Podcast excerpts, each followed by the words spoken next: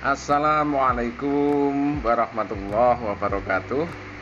Ibu dan Bapak Para guru profesional Kali ini kita akan membahas Bagaimana Melaksanakan proses pembelajaran yang efektif.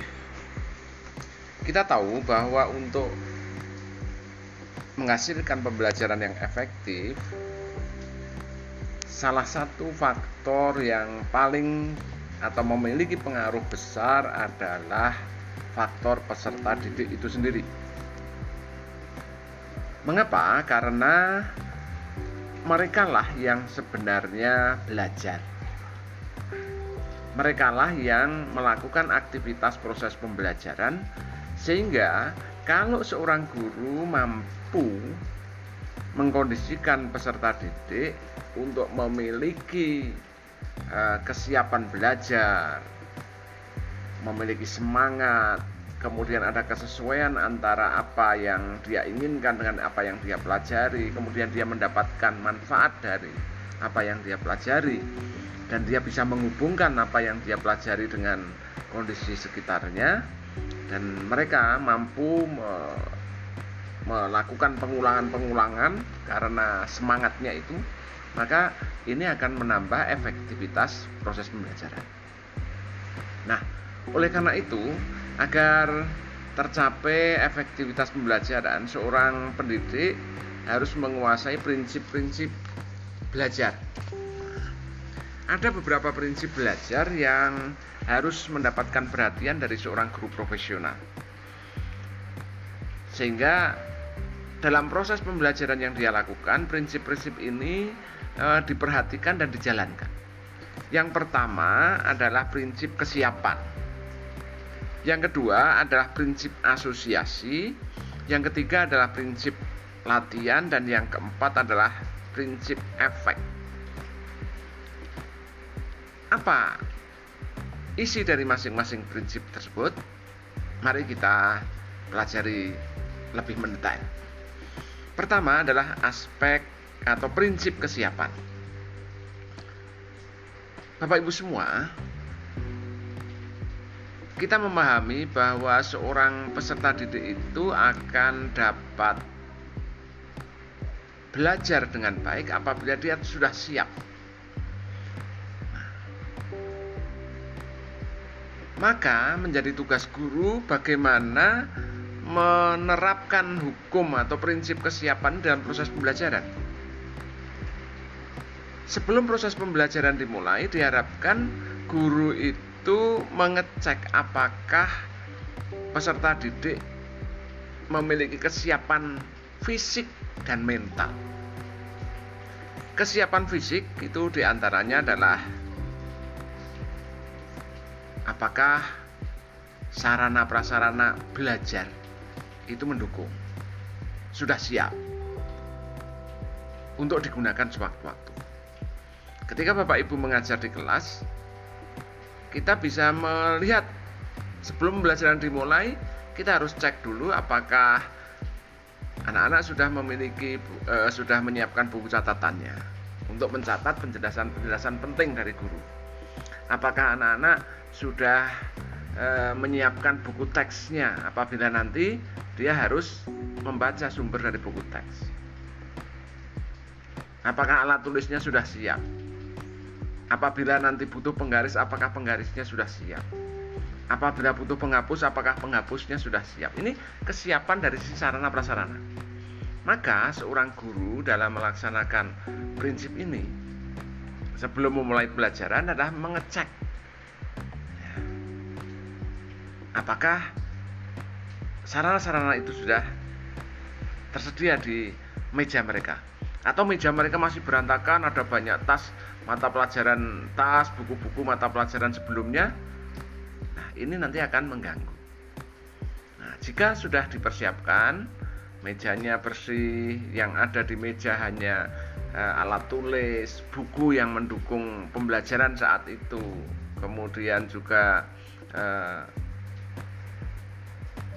buku catatan, buku sumber dan seterusnya, maka secara uh, fisik sarana prasarana pendukungnya sudah siap. Kemudian ini tidak cukup karena juga harus dilihat apakah lingkungan sekitarnya sudah mendukung atau sudah siap untuk mendukung proses pembelajaran. Ini fisik juga. Bagaimana suasana kelas itu? Anak-anak di eh, kelas itu ramai atau tidak? Ya. Apakah sekitarnya ini ramai apa tidak? Ada ndak gangguan eh, dari lingkungan sekitarnya? Misalnya jendela, lewat jendela dia bisa melihat lalu lalang orang atau aktivitas di luar. Makanya harus disiapkan oleh guru bahwa selama proses pembelajaran nanti siswa tidak akan terganggu oleh lingkungan. Artinya lingkungan sudah siap mendukung. Itu dari sisi fisik. Kemudian kita akan melihat bagaimana kesiapan mental anak. Kesiapan mental itu mencakup banyak aspek Pertama, apakah siswa sudah termotivasi untuk mengikuti pembelajaran itu? Apakah siswa sudah merasa butuh untuk mengikuti pelajaran ini? Mengikuti materi itu? Apakah siswa sudah memiliki kemampuan sebagai prasyarat untuk mengikuti materi ini. Adakah istilah-istilah yang ada di dalam materi yang akan dibahas itu yang sudah dikuasai oleh yang tidak dikuasai atau sudah dikuasai oleh peserta didik. Nah, ini harus dilakukan oleh guru. Maka secara mental agar anak tertarik guru melakukan uh, melakukan pemberian motivasi dan apersepsi menghubungkan antara materi yang akan diajarkan atau materi yang akan dibahas dengan pengetahuan yang dimiliki oleh peserta didik. Nah, ini adalah untuk melaksanakan prinsip kesiapan. Yang kedua, Bapak Ibu semuanya, prinsip asosiasi. Apa itu prinsip asosiasi? Prinsip ini menjelaskan bahwa keberhasilan belajar itu jika siswa mampu menghubungkan antara yang dia pelajari dengan apa yang sudah dia miliki. Mampu menghubungkan antara yang dia pelajari dengan kebutuhan mereka mampu menghubungkan antara apa yang akan dipelajari dengan apa yang ada di dalam lingkungan mereka. Mampu menghubungkan apa yang dia pelajari dengan masa depan mereka, manfaat untuk masa depan mereka. Jika ini sudah dimiliki, maka anak nanti akan mencapai proses pembelajaran bermakna. Tetapi kita menyadari bahwa itu tidak mungkin datang begitu saja, tetapi butuh ikhtiar dari para guru. Maka dalam melaksanakan prinsip asosiasi ini, guru diharapkan dalam melaksanakan proses pembelajaran harus membimbing anak untuk mengkaitkan antara bahan yang dipelajari dengan kepentingan mereka, dengan pengetahuan yang sudah mereka miliki, dengan eh, manfaat yang akan mereka ambil, baik saat itu maupun di masa yang akan datang. Maka, Bapak Ibu semuanya, ketika seorang guru menanyakan atau memberikan ilustrasi manfaat dari materi itu bagi anak. Manfaat materi itu untuk kehidupan. Manfaat materi itu untuk masa depan anak. Itu sebenarnya guru tersebut adalah sedang menerapkan prinsip asosiasi dalam proses pembelajaran yang dilakukannya.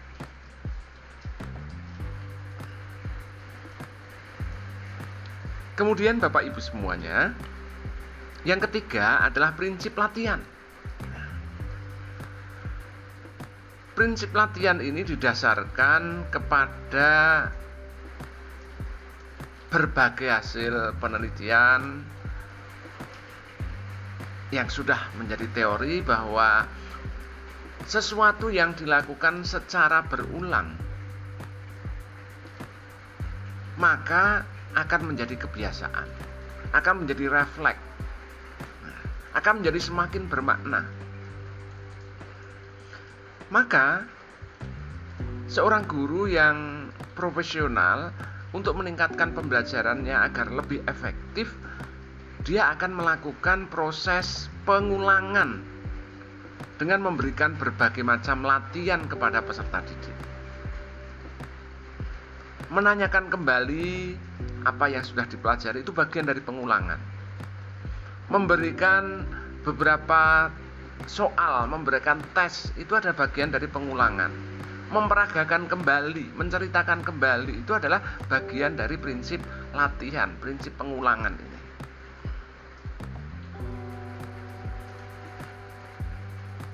Berbeda dengan selesai materi, lanjut materi berikutnya tanpa ada pengecekan. Pengecekan sendiri sebenarnya ada dalam rangka e, mengulang kembali. Ya. Sementara di dalam e, struktur kognitif peserta didik ini mereka akan mengulang, e, mengingat ya mengingat ya dari eh, memori mereka ya mengungkap kembali tetapi ini adalah eh, implementasi dari prinsip latihan prinsip yang keempat adalah prinsip efek atau akibat bahwa pembelajaran itu akan menjadi efektif apabila apa yang dipelajari ini memberikan dampak atau memberi akibat yang bermakna bagi peserta didik dampak paling minimal adalah rasa puas telah mempelajari dan tahu bahwa apa yang dia pelajari itu memberikan manfaat positif bagi dirinya. Dan apabila dia tidak mempelajari itu dia merasa rugi. Maka ini adalah prinsip dari yang keempat ini prinsip akibat. Itulah Bapak Ibu semua, para guru profesional, empat prinsip dalam pembelajaran yang diharapkan kita terapkan di pembelajaran yang kita lakukan agar pembelajaran yang kita lakukan lebih efektif. Keempatnya itu adalah pertama prinsip kesiapan, yang kedua prinsip asosiasi, yang ketiga prinsip latihan dan yang keempat adalah prinsip efek atau akibat. Demikian Bapak Ibu, semoga memberi manfaat untuk kita semua. Selamat bekerja, tetap semangat. Assalamualaikum warahmatullahi wabarakatuh.